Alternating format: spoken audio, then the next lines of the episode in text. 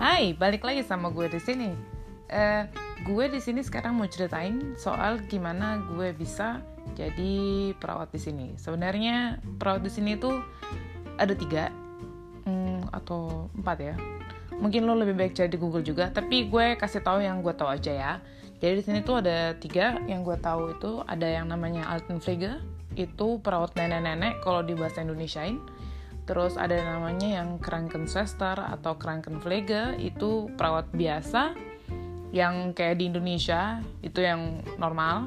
Terus satu lagi ada namanya uh, Kinderkrankenpflege, itu dia khusus untuk ngerawat anak-anak. Jadi uh, perawat untuk anak-anak kalau kayak di rumah sakit anak-anak gitu kalau di Indonesia terus kalau nggak rumah sakit yang buat anak dan bunda bahkan rumah sakit anak dan bunda ada lagi namanya di sini Hebama setauku itu dia yang buat uh, kayak di Indonesia itu kayak buat bidan gitu oke okay.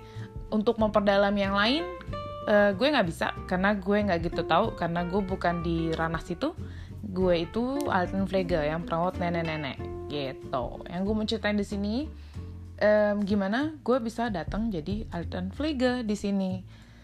Sebenarnya sih banyak ceritanya ya, cuman gue ceritanya yang dikit aja dulu yang yang awalnya aja gimana gue bisa masuk ke situ gitu. Jadi gue itu kemarin um, dapat tempat buat jadi kayak relawan untuk teman-teman semua yang lagi pengen ke Jerman yang pasti tahu banget namanya Freiwilliges itu namanya relawan. Itu ada juga sekarang yang dari Indonesia uh, gue kurang tahu gimana mereka bisa survive nyampe sini. Uh, satu pihak gue respect hebat. Tapi uh, yang di pihak lain uh, apa gue turut kasihan juga kalau yang dapetin tempat yang gak bagus gitu ya. Tapi ya everywhere lah semua tempat tuh pasti nggak selalu bagus. Oke, jadi tempat gue itu gue dapet di bagian uh, sini, Baden-Württemberg itu provinsinya. Terus nama kotanya di bagian Heidelberg.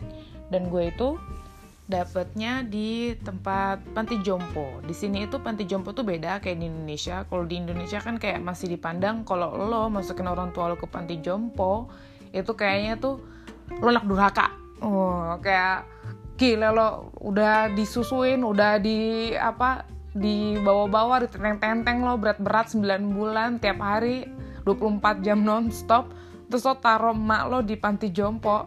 Anak apa lo? Kayak gitu kan. Tapi kalau di sini mereka punya kebutuhannya berbeda. Makanya uh, ada panti jompo banyak di sini. Dan panti jompo di sini nggak kayak panti jompo di Indonesia yang memang cuman ngerawat nenek-nenek aja uh, sampai mereka meninggal istilahnya gitu. Dan itu mereka nggak ketemu lagi sama anak-anaknya.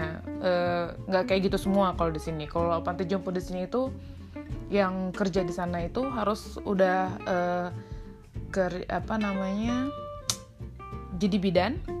Eh sorry ya kalau misalkan gue tuh ngomong kadang suka bingung gitu bahasa Indonesia apa. Soalnya nggak mau sombong tapi udah tujuh tahun di sini terus gue jadi suka lupa gitu loh bahasanya. Dan gue kan kebanyakan gue orang asli Batak tapi ngomong bahasa Betawi tinggal di Jakarta jadi semua kecampur gitu. Gue jadi kayak uh, gemix lah ya. Jadi nggak tau lagi gue mau ngomong kayak gimana gitu. Terus temenan sama orang Jawa dan bla bla bla gitu. Jadinya ya udahlah campur-campur.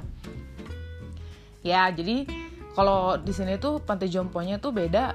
Dia tuh uh, orang yang kerja di sana itu diulangnya perawat juga. Tapi perawatnya itu memang yang memang uh, dia tuh udah kayak sekolah keperawatan tiga tahun juga gitu. Di sini tuh kalau sekolah keperawatan itu um, normalnya tiga tahun. Terserah perawat apa aja setahu gue itu memang tiga tahun gitu. Bahkan memang ada peraturan baru lagi kemarin itu yang tahun 2018 tahu gue itu kemarin ada peraturan baru di sini. Terus uh, oke okay, gue jadi relawan di Panti Jompo itu. Dapat uh, tempat lah gitu mereka mau terima gue. Akhirnya gue kerja di situ selama satu tahun dan terus itu kan bisa diperpanjang uh, kalau orang asing di sini jadi relawan uh, bisa sampai satu setengah tahun gitu loh.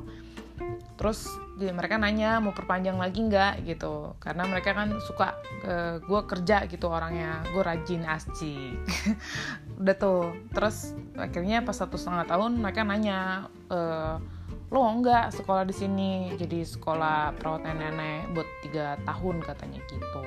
Gue yang oh ya boleh kalau memang dikasih gitu kan ya. Siapa sih kan ya kalau ada rezeki nggak mau dikasih ya nggak goblok lo kalau nggak mau terima kan gitu. Ya udah terus akhirnya gue kerja di situ selama tiga tahun sebagai perawat nenek itu ya have fun. Itu banyak banget ceritanya maksudnya banyak banget pengalamannya di situ yang menarik gitu ya. Tapi terus gue baca-baca ternyata sebagai perawat nenek-nenek uh, untuk angkatan tahun gue, gue kan angkatan tahun 2018 lulusnya kemarin, gue 2015 masuk di sekolah itu. Terus uh, angkutan angkatan gue itu kita tuh bisa kerja di rumah sakit gitu. Dulunya tuh nggak boleh, lo tuh cuman kalau yang perawat nenek lo cuma boleh kerja tuh di Pati Jompo gitu. Kalau misalkan lo perawat beneran baru lo bebas mau kerja di mana aja. Makanya banyak tuh sebenarnya yang ngincer lo tuh jadi perawat biasa gitu gue pribadi nggak mau karena uh, gue benci banget sama sama yang namanya bahasa Latin. Terus gue benci banget harus belajar banyak-banyak lagi itu entah um, berbagai macam namanya si jari ini apa, namanya si otak ini apa, terus nama bagian otak itu apa lagi ya gitu loh, terus nama ini apa gitu, aduh, gue kayaknya tuh masih jauh banget gitu ya, karena gue sendiri udah selesai kuliah di Indonesia empat apa tiga setengah tahun, gue udah belajar capek terus gue harus belajar lagi di sini. Gue yang kayak e, ntar dulu kayak gitu. Akhirnya gue cuma belajar ini aja. Tapi memang uh, sekolah gue juga berat juga menurut gue di sini sebagai uh, perawat nenek-nenek nggak uh, melulu gampang ya. Itu tergantung sekolahnya lagi kalau gue mau bilang. Karena ada beberapa sekolah yang uh, mereka tuh gampang aja gitu ngajarin anak uh, ngajarin anak-anak sekolahnya nggak yang dibersulit atau segala macam. Dan gue kebetulan dapat sekolah yang memang ada uh, kerjasama sama Universitas Heidelberg gitu. Terus akhirnya jadinya tuh kayak guru-gurunya tuh agak streng gitu loh. Terus kerjaan gue juga streng dibikin sama mereka. Nilai gue nggak pernah selalu bagus sama mereka. Oke okay lah itulah selesai ya. Terus um, udahlah gue tiga tahun di sana um, sekarang gue tapi kerja nggak di uh, Peti Jempo lagi. Karena gue uh, cari tempat kerja gue mau coba uh, apa kerjaan baru gitu. Nggak yang cuman uh, ngerjain cuma si nenek aja gitu gue memang kayak mau coba kalau memang benar bisa masuk ke rumah sakit why not ya nggak? Akhirnya gue coba aja kan kayak apply apply gitu kayak um, apa namanya um, apa ya namanya gue lupa kan? Ah.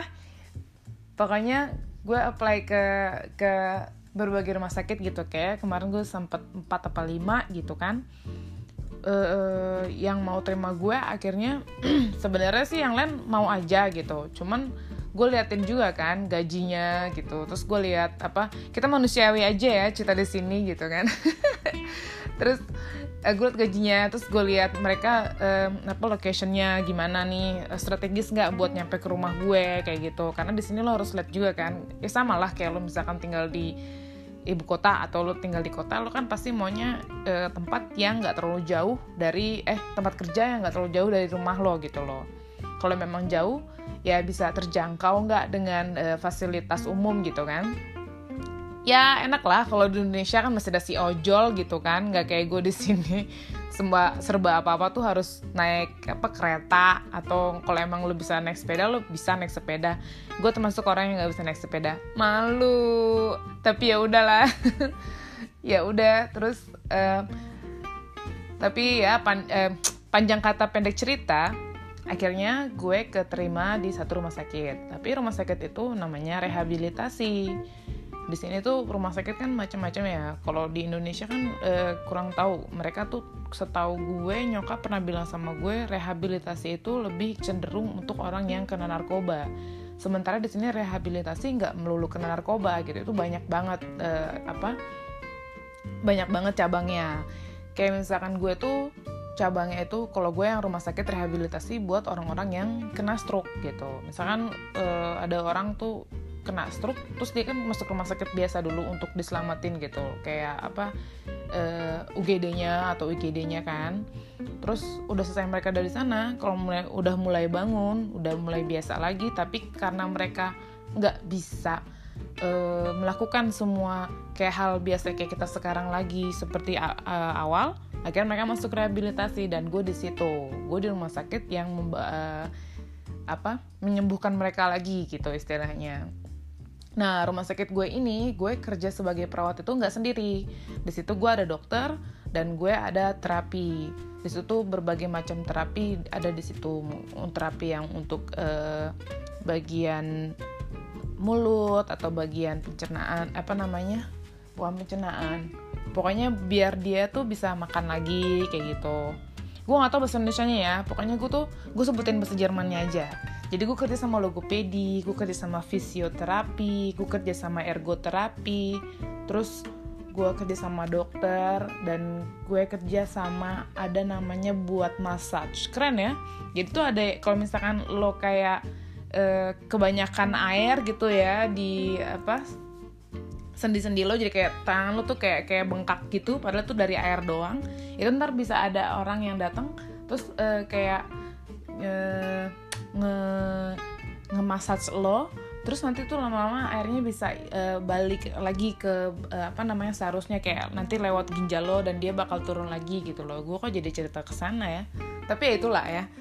Terus akhirnya gue kerja di situ sekarang. Nah gue kerja di situ sekarang banyak banget yang gue pelajarin di situ. Gue seneng banget gitu loh karena uh, apa lo tuh gue tuh kalau di panti jompo lo memang cuman uh, nggak cuman sih itu kerjaan yang berat menurut gue. Gue memang harus respect juga gitu loh. Itu berat banget kerja di di panti jompo itu.